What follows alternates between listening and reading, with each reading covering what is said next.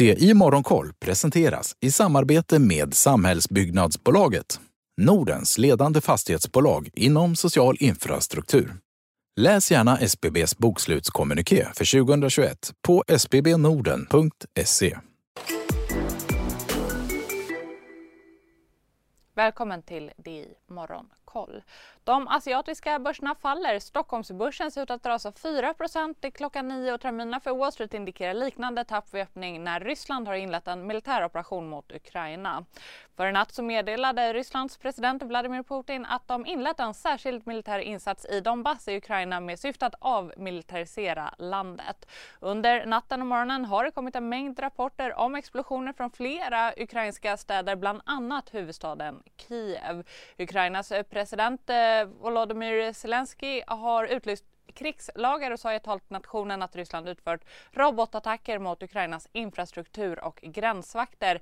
Men att människor inte ska få panik och att citat “vi fungerar, armén fungerar”. Slutcitat. Samtidigt kommer uppgifter om att fem ryska stridsflygplan skjutits ner av det ukrainska försvaret.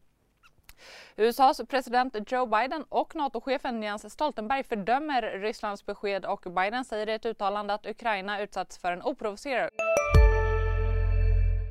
CSRD, ännu en förkortning som väcker känslor hos företagare.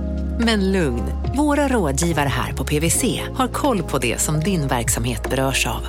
Från hållbarhetslösningar och nya regelverk till affärsutveckling och ansvarsfulla AI-strategier. Välkommen till PWC och orättvis attack av ryska militära styrkor och att världen kommer att hålla Ryssland ansvarigt. Biden har också meddelat att hans administration ska införa sanktioner mot Nord Stream 2 AG. Det är bolaget bakom gasledningen Nord Stream 2 och bolagets företagsledare som ett svar på Rysslands invasion. Moskvabörsen har stoppat all handel tills vidare, det rapporterar Bloomberg med hänvisning till ett uttalande på Moskvabörsens hemsida. Eh, man ska också meddela när handeln återupptas i ett separat meddelande. Oljepriset har rusat och Brentoljan kostar nu över 102 dollar fatet. Det är nivåer som senast sågs 2014. USA-räntorna har sjunkit eh, 10 punkter och står nu i 1,88 procent. Dollarn och yenen stärks medan euron och rubeln försvagas. Svenska kronan har också försvagats med 10 öre mot den amerikanska amerikanska dollarn till nivån 9 kronor 51 öre vilket är den svagaste nivån sedan maj 2020. Vi bevakar såklart utveckling i Ukraina med intervjuer och uppdateringar här i DTV och på di.se löpande.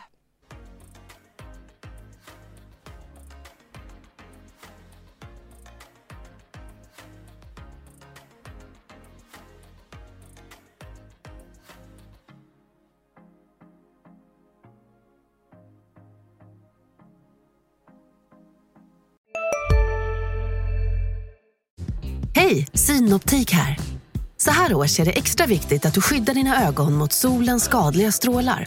Därför får du just nu 50% på ett par solglasögon i din styrka när du köper glasögon hos oss på Synoptik.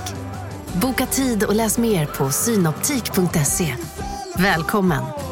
CSRD, ännu en förkortning som väcker känslor hos företagare.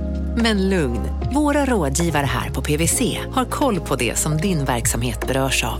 Från hållbarhetslösningar och nya regelverk till affärsutveckling och ansvarsfulla AI-strategier. Välkommen till PWC.